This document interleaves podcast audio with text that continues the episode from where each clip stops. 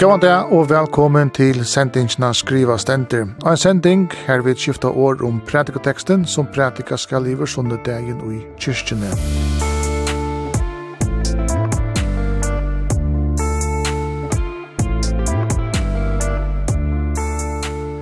Verstor er i Vippeien, Kari Sjálstein og Armkar Arke God Frøyngur. Og saman vi okkon hemma vi på i tvojmon gestun som heva finnst til oppgave at an kvørsen hatt at lesa pratikoteksten, skifta om teksten, tolka han og røyna seta inn i en utrymans høpe. Og tei som er bojen vi i utvarstående og idea er Nomi Gregersen, verskatlanar løyari av Fargen, og Hans Andreas Sølvare, professor i Søvi av Sedrenom. Velkommen til Takk for det.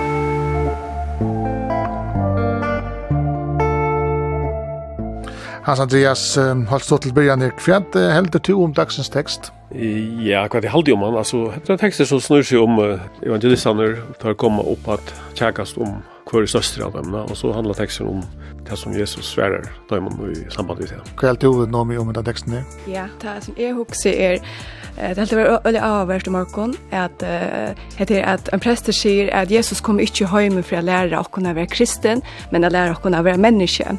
Og det kom jeg husker om den teksten her, om, om hvor så kjøkt lærersveinene, eller faktisk hos mennesker litt er, heter at hvor er største, og Jesus sier på Øysten vittor ja, men er det ikke han som sitter ved båret, og ikke han som tjener, som er den største, akkurat som Jesus var langt tanke. at det er det som vi huxar, eller at det lär sig när man huxar. Mm. Og jeg husker også at det er det som man ser atter, at det er i evangeliet, det er Jesus sier atter og atter, det er at fortelle dem noe som tatt og færa tjekka som heter hver er største, hver er den største, men han fyrir òsne vui, han sier ikke bare til at han som er størst, størst skal være tjener. han sier òsne om seg selv, at er kommet kom men ikke som for å være tanter, men å være tjener, og være sett som, som en nøysekjalt for, for mennesker. Mm. Det er det som er feil på sjur. Ja. Ja. Og det er så første sunnedagur i første. Teksteren er ur Lukas evangelinon, kapittel 22, ørendene 24 til 32.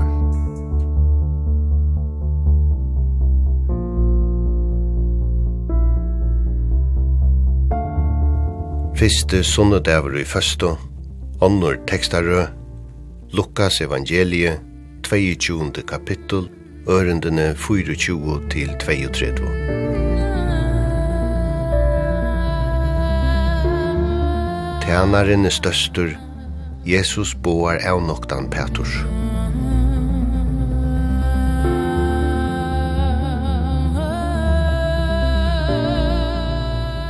Men det var reisen i åra drottur tarramidlun om hvor tarra måtte tidsast at vera støstur. Og han sier vittar, Konkar falkana råa i vidaimun, og tair som av taimun hava valde vera nevndur velgerarmenn men såleis eier ikkje vera kja tikku.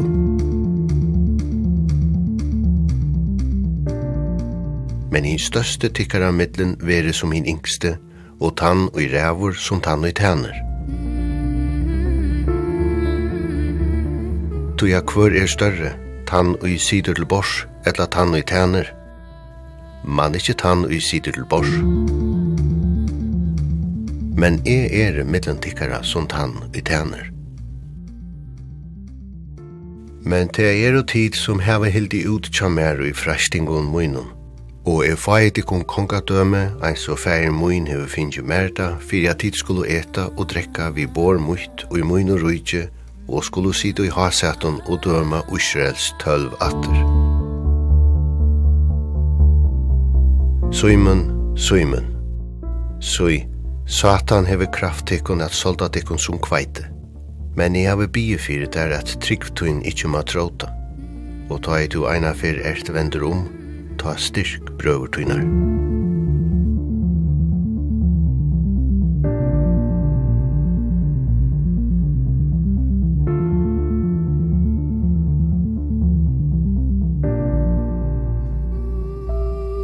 Vi har hørt pratikoteksten til Sunnenden. Armgar, ja, hva er det som hender her, Armgar? Ja, vi er fast nå, Men førisk vet vi det her var en jólafasta, men det var en anna påskafaste. man fasta i fyr, og er nekka størst for att henta, nekka som man sa fram til. Og vi er fasta nu, og tog vi gengum mot påsk. Og her, hetta skal være togin hver man akkurat går om, og hvor er jeg som menneske, hva kan du brøyta, og så videre. Kan vi kanskje mer ut det jeg hoksa, så eller individualistisk etter det. Det som er oppe i samfunnet, ja, så var det mer at man brøyte så man gjør det noen øvelse som ikke var ok, ja. Så først han skal aktivt brukes slagkort, ja. gang til litt. Ja, kan vi kanskje si, å, jeg skal bruke først til ikke til sukker, ikke på Facebook eller kjøret, ja. Er det ikke fasta? Ja, for så mye det er kanskje fasta, men, men opprunnet er det nok vært til at vi kanskje brøyda nokko ui okkur sjálvun, okkur mata kanska vi er på kanska vi ger gera okkurst upp som fyrje okkur som vi hava litjan som akketla jeg veit ikkje mm. men vi er her nu einar sen her, ja. einar kanska einar av de kjentaste sendon ui uh, bibelen og kristendom til einar nere den sørste kvöldmalt og ta sitta her og prata. Ja Kan det som händer? Ja, och så visst han sig som vi har ju gett i flera fyrt av ett svit ger till det att lärsarna tar skilja pusht och lukka såna blinde vi gör så är det blinda är det där skilja staten vi ska det Jesus har sagt ha så har han fyllt vi och se han just under och gröt och kvar vad det är att här så för att checklas om hur är störst. Nekka så såra människas litt som det. Ja, bara han sier Simon Simon och men han mener vi Peter. Hvor sång det säger man? Ja, det er Simon, Simon för jøkten det imsar runt till du han sier til Satan skal, uh, at du skal soltas da. Så enda da vi at han för till Peter så mørker kletter, Petros. Ja. Så till man har navnet Simon Peter. Tror jag det Simon Peter. Ja, ok. Alltså det jag själv var ja. Kan du också ta ut att läsa den här texten här? Ja, han så sin text han alltså det här är ju undan så vad så sina gång kvui i tar blå aushander eller för för checka som där för syster och sånt och det så sent på inte är i samband vi att Jesus säger att Judas för att switcha och så är östramman undan om passion ju där. Det verkar som i texten det går så till som färdar att blå aushander om om det där. Och så är det kvar syster, kvar syster som där för att att checkas om. Og kanskje nega som er nok så generelt og vanligt og i kristendom, at, at det blir sindi vent vi på at, at det snur seg ikke omkvar i søster. Og så var det sett samband vi at uh, han sier at ja, men, konger og, og så, han meidna sikkert høytningar i, i teksten, som det heter jo en tekster som skriver for fedelsene og skyene, at de gjør ganske gode gjerer og sort for sin egen kjeld, hukka kanskje ikke om og få rås og alt mulig fyrir til, men så skal det ikke fyrir kritikkene, det er en kjeld og det er tøyle middelen, vanlige folk og lærersvennerne at, at de ser det særlig krøv til tøyre og sier så til at så skal det ikke være til at de skulle ikke bare være de som sitter til bors, men de skulle sette noe i støvende til at de som, som tjener. Og det hadde jeg lukket som, er, er, eller det hele som høvdspåskapen halte i uisne reksten, at det er det som lærersvennerne skulle gjøre, at sette seg i støvnene. Ikke endelig at, at det ikke skulle uh, sitte til bors, men at det skulle sette seg i støvnene til at de som tjener. Vi skiljer det på det som at, at, uh, at, som at, har makt skulle skulle suttja tei veik og tei som dei tæna og i egen i bakken måte. Altså at det tjena vøy man skal ha, og, og til det krevs man setter til alle lærersvennene. Og hette vel eisen en, en problematikker som man godt kan lese inn i alle mulige uh, vestlæska filosofier, som ligger fra Nietzsche eller Kant, og, og til terrorister og sånt, som man kan sette inn i. Så han um, røyner få, altså til tusen man sier at lærersvennen tar, tar her båten kunne ikke fæte hva, hva er det som, som er vi hentet, og hva, hva er det som Jesus sier? Ja, ja. Det er jo nekko eisne bøker som skriver om det her, at det som man kallar Messias løgndommerne, at lär från att vita om att hur Jesus är åt att Det blir ju i texten avduka för natten hur han är. Så tar vi tanka i hur han är och det väl alltså inte som att fortälja inte att vi vi vi evangel att det finns inte där hur han är. Och rätt kontextmässigt så är det väl alltså en helt annan Messias som där boja etter. Det er jo jøder, vi och og, och och bojar Messias som som jödarna bojar efter. Där så en konche och en herna och et eller annet. Ja, det är en ja. Ikke en sånn som crossfit. Nei, så det råkner vi for å bli crossfit Nei. Ja, nå vi kan också ta ut att läsa den här texten. Ja, alltså ta i högst om att Jesus kommer att lära att höra våra människor. Så han det tar festa som ta, ta människoliga kanske är till och kunna högst till er kvar våra största. Och också att det är också generellt i jökn evangelien att Jesus röna lära att höra för för han är och vad han är kom här för att göra. Och så han det tar rockna vi en konk en messias som är en konger som kommer lyckas som att tagge iver og på en la mata tog tar er under romerskun hers setting og, og akkur som han kommer at skulle befrya tar fra ötlen hesuna. Og tog pluver trätan kanske det kvar är störst kvar kommer sida vi på chat där då har ända mamman där chat från där som som inte att att tar på skulle släppa sida sina Jesus ja. Men Jesus på en la mata fortällde det är till akkur på en la mata vid vid att han nu till kun läsa att men akkur at att har hava slash skilt kvad är det Jesus vill att säga det är att er kommet for at henne og være løsegjald. Ikke, ikke bare at henne og for gode moraler og være, være den gode mavrene, men mer han fortalte dem om faktisk det er vi etter at løsegjald og at du som Nicodemus, da Nicodemus kommer til, til Jesus, hva skal gjøre? At du må fås av nudjon. Det synes jeg her at, at det er, det er en veldig kolvelting på en eller annen måte blir det mer antallet enn man holdsligt. Så som jeg er litt jo i etter. Ja, at det ikke bare er en moralkodex, det har jeg lært, men at det er noe aktivt der skal Ja, at det er større enn det, at det ikke bare er at det er godt, og vi vet at det er at, eller man, man sier at, at det er bedre å gjøre enn å få, og sin tann anden ut til etter at på en måte øvåta at av det egoistiske er, men det er mer enn det, som Jesus sier, at størst, han for alle veien, så er, er, kommet kom ned fire, at uh, vi er løset alt, för allt det här. Och det hade ju ösen sundra avvärst hemma så läser vi är det är heter är vi att han säger sjömen sjömen. Jag sa att han kom runt och aktion på alla matas som den där bröland leva som vill äta det som som täckte det Og så det neste verset heter at uh, jeg blir for deg, og teg du venter vi, færta og styrkbror til henne. At det ikke heter at Jesus, Jesus vøyt han for jeg svøyt han, og det sier han så søtten ja. Men han vøyt men han, han blir ikke for det at du ikke skal synda. Han vøyt for det gjør det, men han sier teg du venter vi, færta og styrkbror til henne. Og på alle måter heter at hva gjørs du teg du har synda, teg du er fattelen, hva gjør du ta? Så vi det var også en annan, en annan lærsvein, Judas, som også var Jesus, og hva gjør de han? Han var rångt, seg. Så så det så ölla stora moner mellan Jotas och Peter kan ta kan tragera. Så vi vet ju snä att att Peter han för plus så uh, klicka som klätter som ta första kyrkan vi byggda. Aktion servan det att att Jesus be för henne. Och det är också ösnä att han så jag vet att det har vi för att lämna aposteln att Jesus att att det är Jesus är upprisen han sitter nu vid höger hand Guds och ber alltså först att att han ber för Tom Kristne ja? så eller Tom Chickvande så jag hade liksom att det blir en gypsy en bär en en text du läser den i Alltså det är um, du nämnde det Messias Löndomren alltså Jeg mener ikke, gong det ikke oppfyrt lærersvennen, og enda er hans løtene, er bant æren av Jesus ved tidsen av eller ved svitsen, og han tidsen av tidsen Ja, døven. At det er Messias, jeg mener ikke, altså, de blinde mer, er i bant æren sagt, David, han for hånden er det gods soner, eller han har gjort under och han har gjort alt mulig at du vakna Lazarus han lunar oppa fra deg och noe sånt. Vattelvoin Vattelvoin Alltså att det är inte løy att enda här är det så man vill tattas inte fengt til et eller annet Jo, det är det väl altså Men alltså det som har granskat sig det alltså det allt det kommer från världen den där Messias löndomarna at det som er underliggjant i alle tøyne i fortellingen, at nu, nu skjønner skiljer mittelen fortellingen og østene, og det som er verleggje, ja, det, er videre, det kan man kanskje være sinter kritisk skrive for hvis man er så søvfrøynger eller kritisk, altså, så, men fortellingen er gosser så leis, at, at lærerfann er vite ikke hvor han er fyrir helst da han er krossfester, Alltså tar rymma alla lärsvännerna med tajan Då tar halta drivstäja och då halta att Jesus är dig nu och, och allt drivstäja. Men så blir några så blev fortalt att han av i server kan komma att att jag kunde möta honom och sätta en tomma gröven och och då kunde möta honom att han har eh upprösten av i Genesaret här och förtälla igen. Så det är inte för att ha att att kristendom börjar på kramata. Det är här sjön kan förtälja men men helt inte att han har att han krossas. Det tryckva lärsvännerna upp ha han. Men det är alltså tar färg kanske i den naturliga lever ganska ta tar tar konkret för då när man ska eller Jesus ska färra fram att han ska döda. Tills jag nu diskuterar man okej, okay, kvar är så i nastre, är det han största nu? ska ska ta över. Ja, det är det är möjligt. Det är inte så att alltså om om narrativ hur det är fortalt och är snär men det att i texten och sidan eh vad det är det jag hade mig så stammalt ja som för det nåt det så så väldigt smart och se kvar för switcha och så vart och och se det sånt att att Peter för det är något annat vi tror jag för det.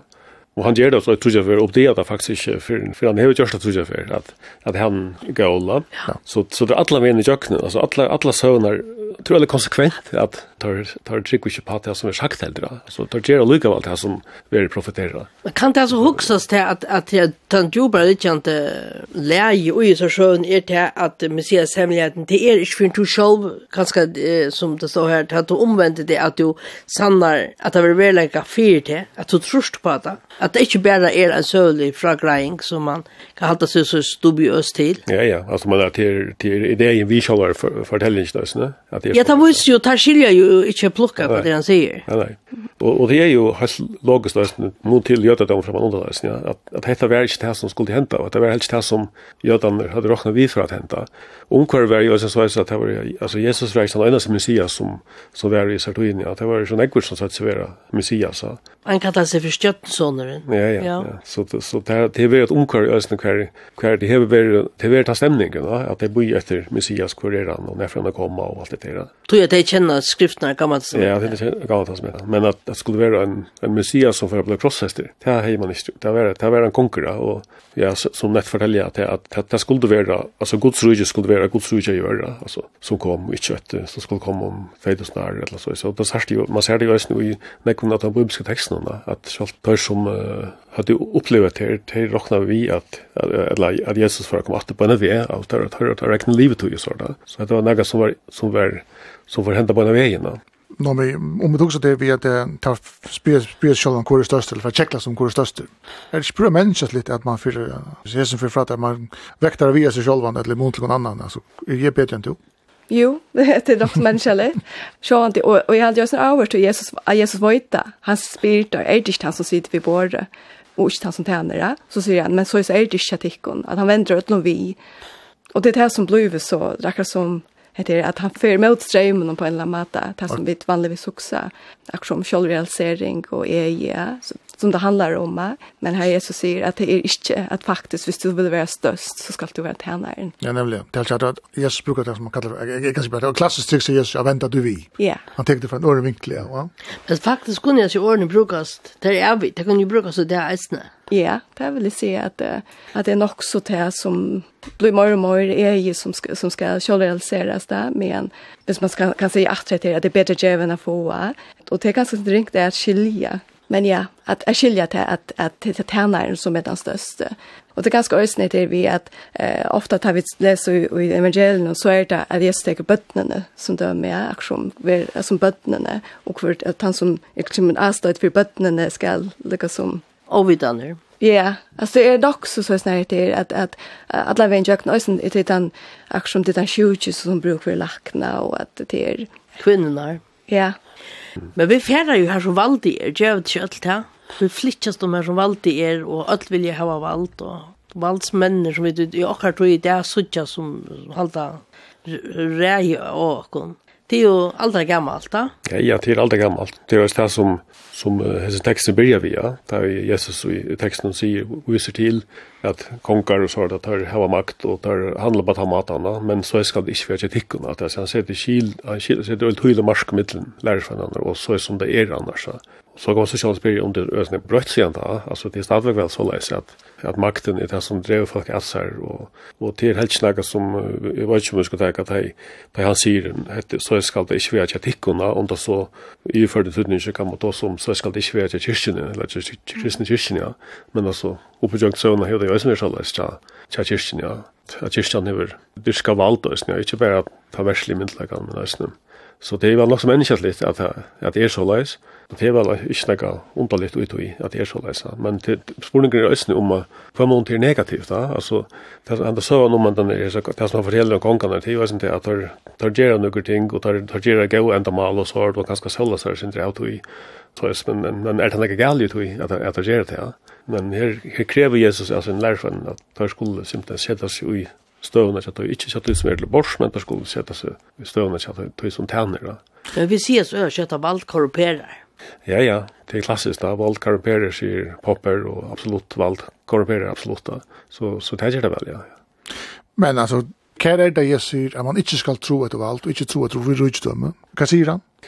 Ja, jeg vet ikke, det er kanskje ikke veldig konkret akkurat hva han sier, da. og, og konteksten i søvn er ganske sin. Nå sendte han søvn jo også i utan hinnom synoptiske evangeliene, bare ikke Lukka, nei, ikke Matteus og ikke Marskos, og her er, er det ganske sin ørvis, ja, jeg er ikke utra at han hendan er, hendan er kommet, eller Lukas ser ut fra Marskos, det pleier man å si, ja, Og hon er sint langri her, men, men konteksten er sint ørvis, ja. Der er ikke i, der er ikke i Jerusalem, da, nei, han sa, der er i Jericho, og det, og der er sammanhengen er heldig ikke det vi, det er pæder skal svitja Jesus, eller trutja fer, heldig ikke at Jota svitja han, det er, er ikke fortalt så leis, og det er sint ørvis, sammanhengen er sint ørvis, ikke Lukas, enn han er, men det er vel nega vi at alltså hvis man skal lese det inn i moderne filosofibanker, er det også slik av pliktig tidsja som han anlegger og sånne, sånne lærersvenner, at de skulle ikke gjøre ting, til de hodla gjøre tingene, de skulle ikke gjøre det for din egen skyld, men de skulle simpelthen være så så tror en plikt som han legger alle lærersvenner, men, men skyld er som mittelen tøyr og andre folk, altså det er en særlig plikt som ligger av lærersvenner. Ja. Men om jeg heldig du ikke så har pliktetikk, er vanlig ikke akkurat etterlivet som mennesker. Kan man ikke eisere lagt blå av sånn falskt apparat og så gjør? Ja? Jo, alltså jag hade ju ösen till det som blir väldigt klart och det är allt evangeliet det er att du klarar att släcka liv upp till det och det är ganska öll bibeln som hon är eller att du vill skapa dig med gods men synden kommer in och så handlar resten av bibeln om hästner messias som ska komma och, och som vi som har så kommer och, och läser om evangelien att på en eller annan måte är det Eh och då så vi kanske att ösn ju gör någon kost tar maten tar leva ett här ett lös i boyn då skulle det ha var offren ja. Jag tror på en annan att ta klar i liv upp till det och det här som Jesus och ösn kommer och stäffester det är att han säger att han inte kommer för att sätta lån och gilt han kommer för att stäffesta att att det är faktiskt så att du klarar inte halta det du klarar inte alltså så är ner tickaren som kanske är som vi lära på sjurt ja att, att vi klarar inte halta det och det tog att han ösn säger vi vi Peter är att hej du og vi fært av. Så tror jag som han var at att det till klarar inte att leva til det, det er som... Ja, så att han måten er det så illa menneskeslitt. Ja, ja, ja. Han sier det, du at hver er større tann og sitter til bors, eller tann som tanner, men ikke tann som sitter til bors. Er det mittelen tikkere som tann og tæner? Kan man ena vi er, altså, i god tanner nå mitt i Øtland, altså alltså något exakt uttal jag tänker som en allmotto god om man ska säga frasier så här myndelika men ses bara kan gå hand över en tärnar. Vad är det Jesus säger? tar han valde fra god eller kan kan han vi. Det ser han ikke på alles, men han han tärnar bakom att han jag ser att att det går så fyra gånger plats i himlen och så på samma sätt ger han till östen för till lärsvännerna allt han säger. Ja, så som är färdig skulle titta komma. Ja, jag skulle att komma så läsa. Så det var det han blev ända ju för jag säger då. Jag är också bara och här som då hade vi ett öl excellent uttals. Alltså vi lär från den höjden. Ja. Ja, ja, och det är också så lätt är att ha har en annan förväntning till hur för Jesus skulle vara, eller Messias skulle vara.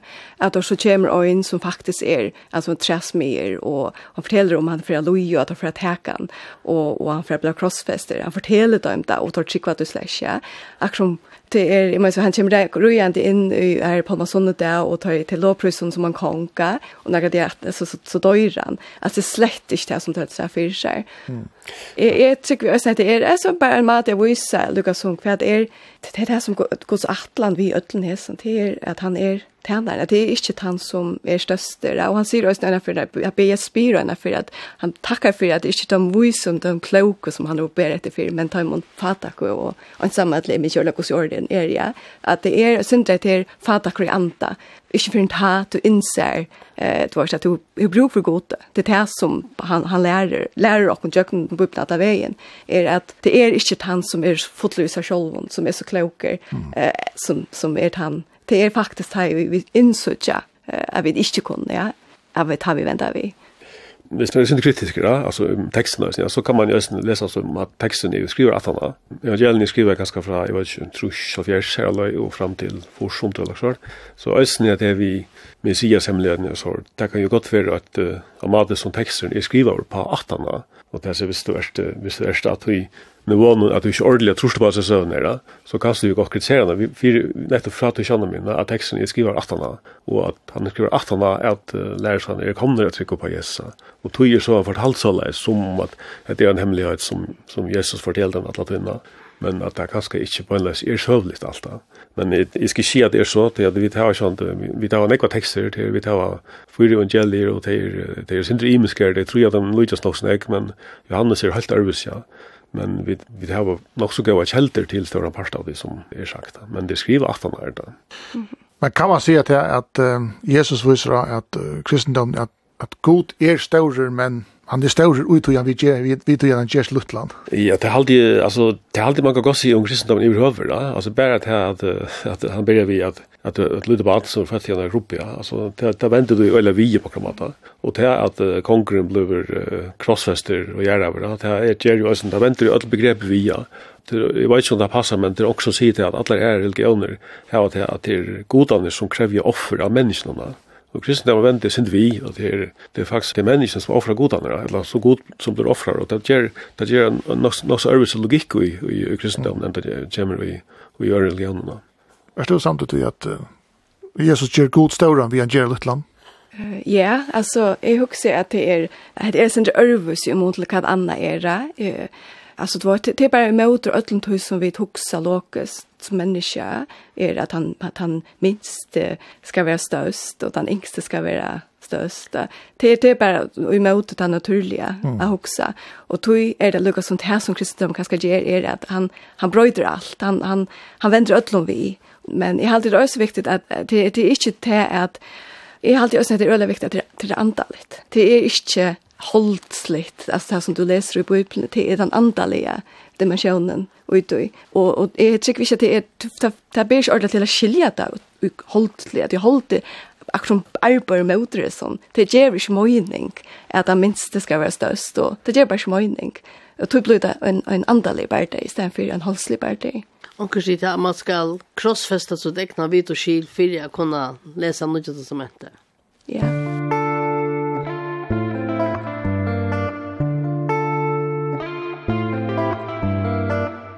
Tu lortar etter sendingene skrivastender, her vid omrova pratikoteksten til sunnodagen. Han er a finna ui evangelien nun etter Lukas, kapittel 22, ørne 24 til 32. Søva nomta i læresveinene for a tjekklast om hver er støster, og at Jesus fyreboar at Petor fyrir at avnokta han. Gjester i sendingsne i dag er Nomi Gregersen og Hans Andreas Salvaran.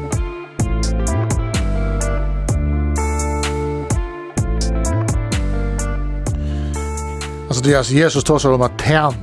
Hva er merset det? Hva, hva, det han säger? Tjäna, tjäna kvar, tjäna gosse?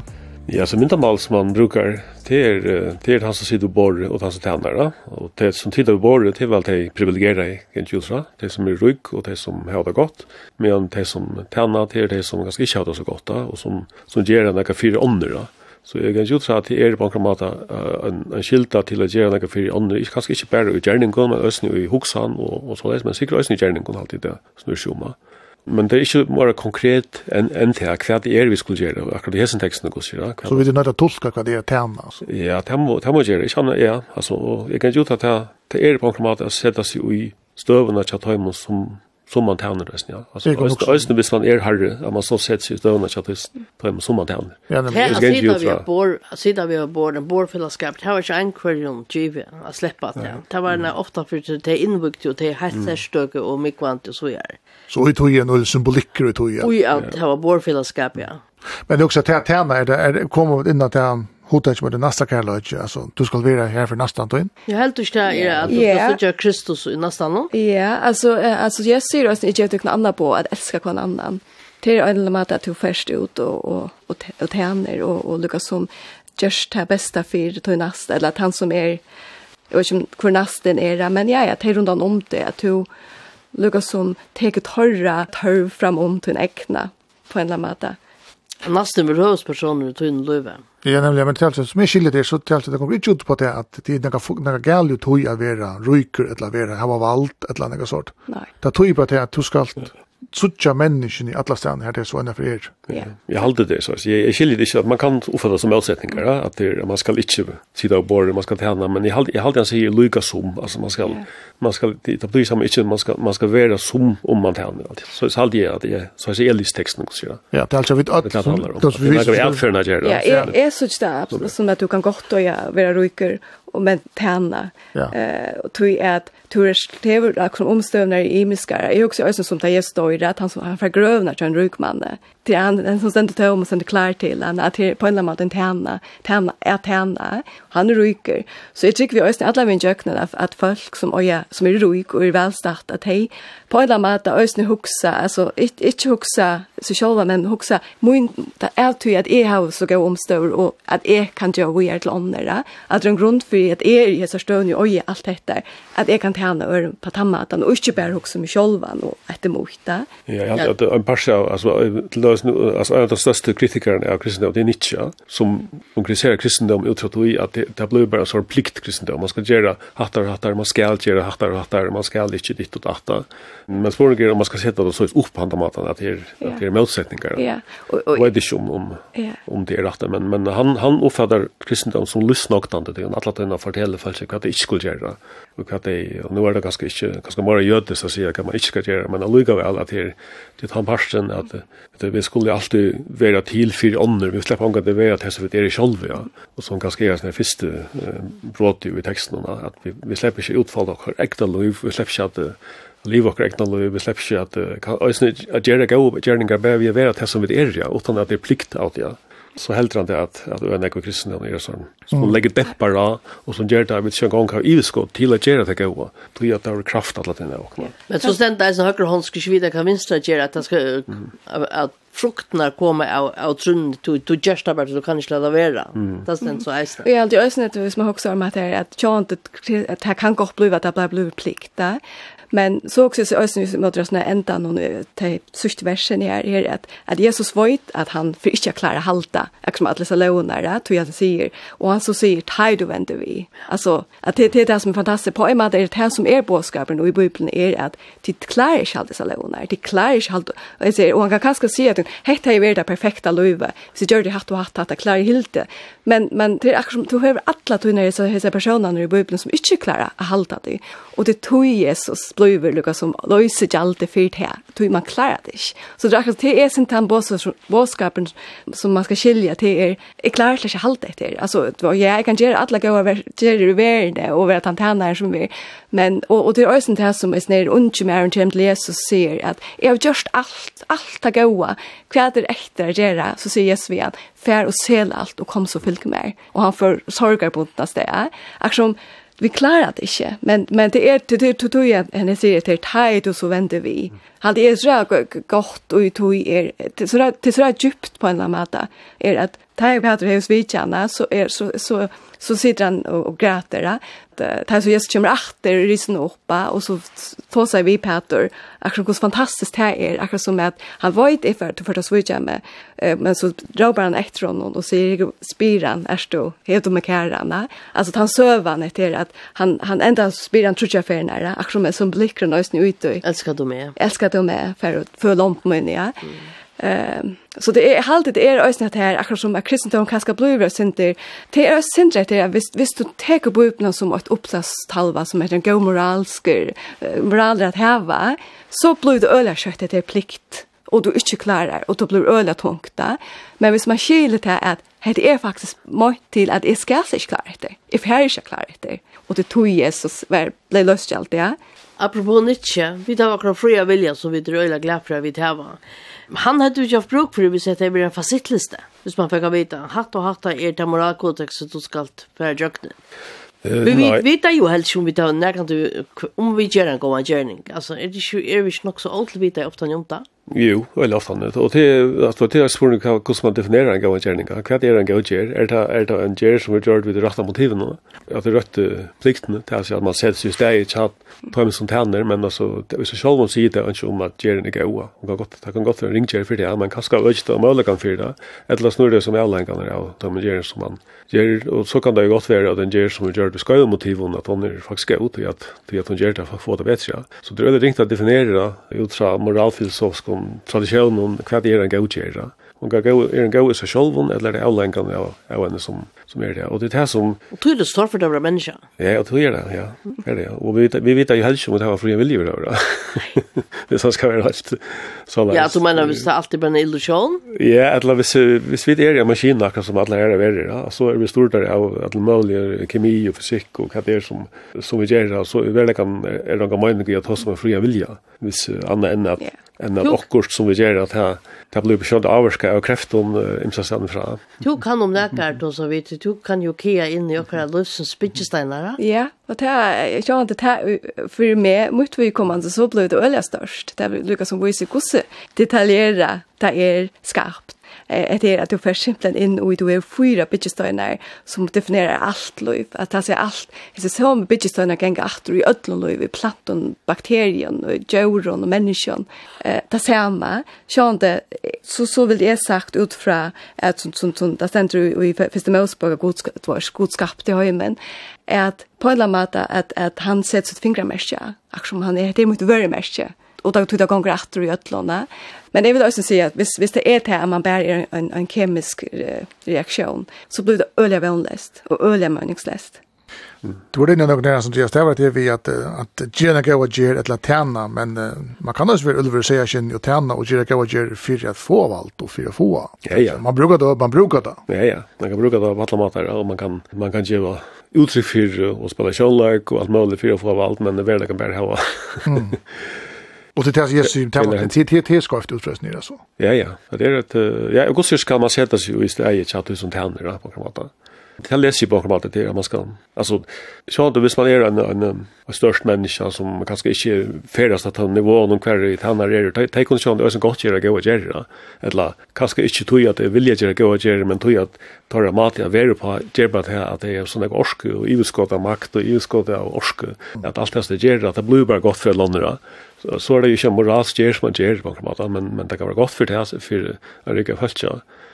Men det kan jo også være øvet da. Ja, ja, nå nevnte Nietzsche og Jan i Nederland, så jeg at han, han vil si at det er nettopp sånne strenge moraler som man legger av folk som ofte får det for, at folk får utrygg og sitt potensial, ja. Men vi er kristne av sjående helst en lovreligioner, det er en, hun virker sindre arves, ja.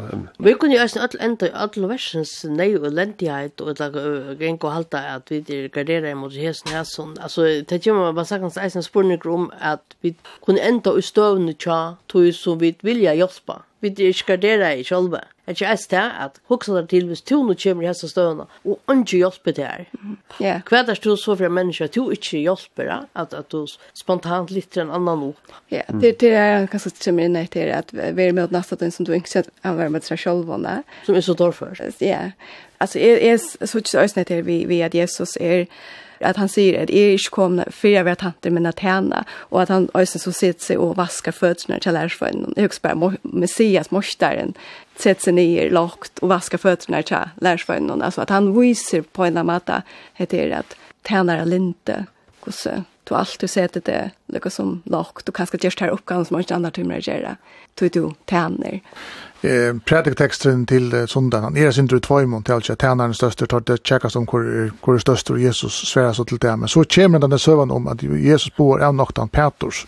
Ja alltså det skus skus kan också kan också tolka då det? Kan är det Jesus säger vi Peter? Ja, han forteller om hva han frigerer, og han gjør det i legal, i søvnet trudja fyrir, og han oppdega det faktisk ikke, ser det ut i tekstene fyrir han, fyrir han hevet gjørsta driver, og fyrir han gaula, så kommer han tankar om det som Jesus sagt da. Det er ganska synd underligt makram at, att han inte kom tankar om det här det är det sagt på en läsa men det er gos det som Søvan säger att att han inte att det synd er søv snilt nir, altså. Ja, det är det säkert altså, det är han Søvan är ju Det er ikke fortalt akkurat lykka, og det er fortalt sin rattan, altså det er det sikra sin av sovefortelling og jøsen, ja, det er gengjort utsa. Sjålt om det er en, en, en tjatt nattan fyrir som en sånn. Men du er sånn, det er som skriver, at tørs man skriver evangeliene, altså Lukas og Matteus, eller, eller hvor det er som, vi vet ikke kjørlig hvor skriva, man kan skrive det, men det er skriva det vi er en er hensikt, at det var en atlan vittig, ja, men det er vi messias hemmeligheten, eller hva det er, det er, det er skriva så at det komponerer det etter en endamal, det er ikke bare en oppremsan av forskjellige opplysninger som bare korter i en tekst, at en teksten er et narrativ som er et endamal og som fortalte vi en endamal, ja, og det er sånn det henger teksten nøklanda sammen. Vi så at det i teksten at det ser det er en brukt i minst i de nymiske evangeliene, at det er stand ikke samme sted alt i til de sender søvann som vi tar nivå. Så det er komposisjonen som evangelistene har også omtatt når å skrive teksten her. Altså, jeg har også kjent det Det är Lukas som Arjen, han avvärad då. Han är när han säger att, eller säger vi Petor att han får svitja. Nej, Og ta jo han sier vi Petter er for å svitja det, ta, ta sier Petter noe omgant for å gjøre det. At han tror det ordentlig det, selv om han ikke svitja det, vi vet fylst, så han tror jeg, hvordan skal jeg for å svitja det?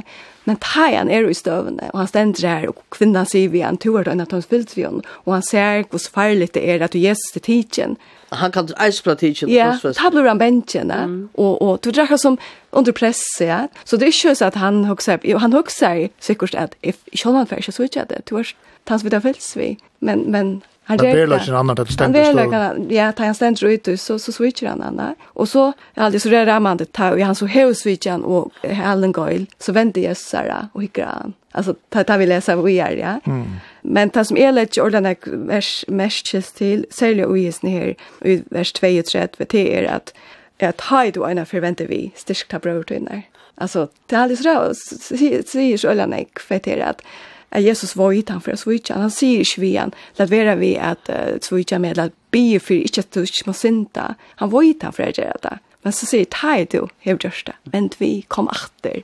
I mån till Jota som för och, och, och, och ta glöv är. Mm. Alltså, så det, det, det är det här som jag alltid är sådär rammande. Och ösn i mån till kvart Peter så blöver. Att han sövande, så läser ju på Apostlasön, han blöver han något som klättren som han bygger kyrkorna och akkurat den omvändningen som kommer att han som är... Men det är större det origin tar till väntar vi till att han var ett auto. Att han får ränta. Ja, och han var ju döst när han flera väntar vi. Ja. Hans största bröderna. Så han... Men, men, men Jotas, han, han, han var ju döst när så först, visst. Ja. Men han är förtappt. Ja. På grund han förtappte det. Så det är Han är inte kunna vänt vi astro för innan att sagt enkta. Ja.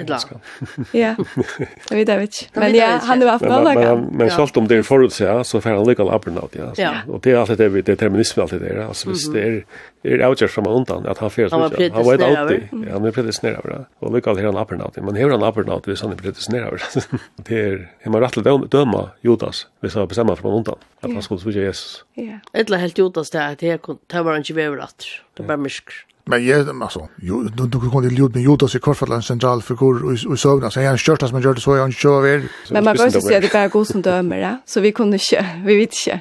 Det går som dömer tror jag inte. Mm. Eh, om vi tar den här texten och flyttar till dig nu där. Vad kunde vi bruka den här texten till idag? Alltså jag hade alltså hade så jag hade att så vi att att sätta sig till här där Hon hon är öliga och allt ja. Och på några sån texter som är 2000 år gammal och han han han är stad och så är han tidsen nu när sammanhang och och Jesus var arameer då så arameiskt och texten skulle jag griskom så. Men men alla allt så så vi har texten så hade jag sagt att vi kan fortälja kunna kan fortälja kunna om om nettet här eh så dock nu tänder oss och det var ikke lika mycket. Och det kanske kanskje en bröd och rätt för det så berökna att vi så ser dock vi tar steg, så hva er hva støv er tann tann personen og som vi skulle tjene på kramata. Det er så at alle skulle hava til i hoan på kramata. Ja, på kramata er alltid, og, og jeg vet ikke hvis man skal tenke akkurat Alltså bara för att jag också grotesk döm ja. Alltså alltså han säger det vi vill lära från det här att det ska vara så läs att det skulle göra så är så så kan man husa en kyrkan att lösa ösn ja. Men men ger kyrkan det här ösn ja vi tar att lösa en romersk ortodox kyrka i i Ryssland ja som bier sina prestar om att bia om att Ryssland vinner i Ukraina. Alltså det på något sätt är det ösnen som har en plikt som man lägger av sina prestar. Men så kan det att att lägga plikta är kanske ösnen synder. Det kan nästan koppa hinväna. Men i rock vi att i sån sammanhanget är det väldigt viktigt att man huxar existentialistiskt och man huxar om den önskar at vi ikke så att man legger plikt av og høyler stånar eller institusjoner at det skulle gjøre såleis og såleis.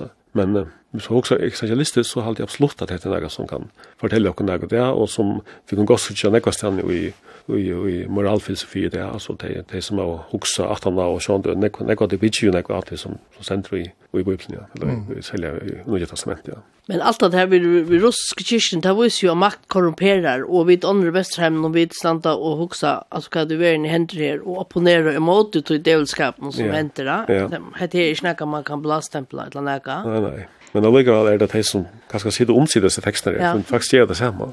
Men det är kanskje också til at du har vi läser leser och i, i evangelien om, om mesir farsierne og skriftlærte, ja, hvordan det faktiskt har misskilt att hålla. så kan man också se att jag känner det kan ha misskilt, alltså omkring då med har misskilt akkurat skam till Jesus. Mm. Um, Kjell, du kan bruka texten till den om mig? Ja, alltså är alltid sånt en att det är en passage evangel evangelien och evangeliet är liksom aktuellt eh, kvant där. Så man kan också se att att du lär Jesus lär eller väl hur men hur sant hur människor skulle leva jag vet vi är väl alltså inte man är väl den största så kan man vara tjänare och ta det lucka som tog koppa då i ordla jag har alltid just att att hvis man läser själva hvis du läser det så som sövi och i Matteus och Markus är det Jesus säger att uh, han förtäller så att han som vill vara vill vara den största ska vara tjänaren det är kommer vara inte vara tanter men att tjäna och göra med själva så löst allt det är lukka som det som jag alltid är att det är inte bara en moralsk god mat att leva på att det är öron men det är det som det välja handlar om handlar om evangeliet om Jesus. Hur ska du kan bruka texten där Amkar? Ja, hva kunne vi lære av oss her gamle skriften? Altså, vi kunne lese og høre hessa det som vi tar og ta som i det som er søvelig, nok søvelig skrift og, og te er det, og Messias landarmal er verande et Messias landarmal, akkurat som det var ikke lærersveien med at jeg ikke sammen med Jesus, inntil det brottlige, sove og trove at dette er Messias. Det samme kunne så si om akkurat vi kunne lese dette som gamla tekst, etla av vi brottlige for at trykva vi hjertan og sutja, altså hette er Messias, og så vil han livande fyrir akkurat i det, 2024, så er falt det til tja flere. Ja, det var det sønnes i årene i sendingen der. Takk for at du kom i Uderstående. Takk så mye.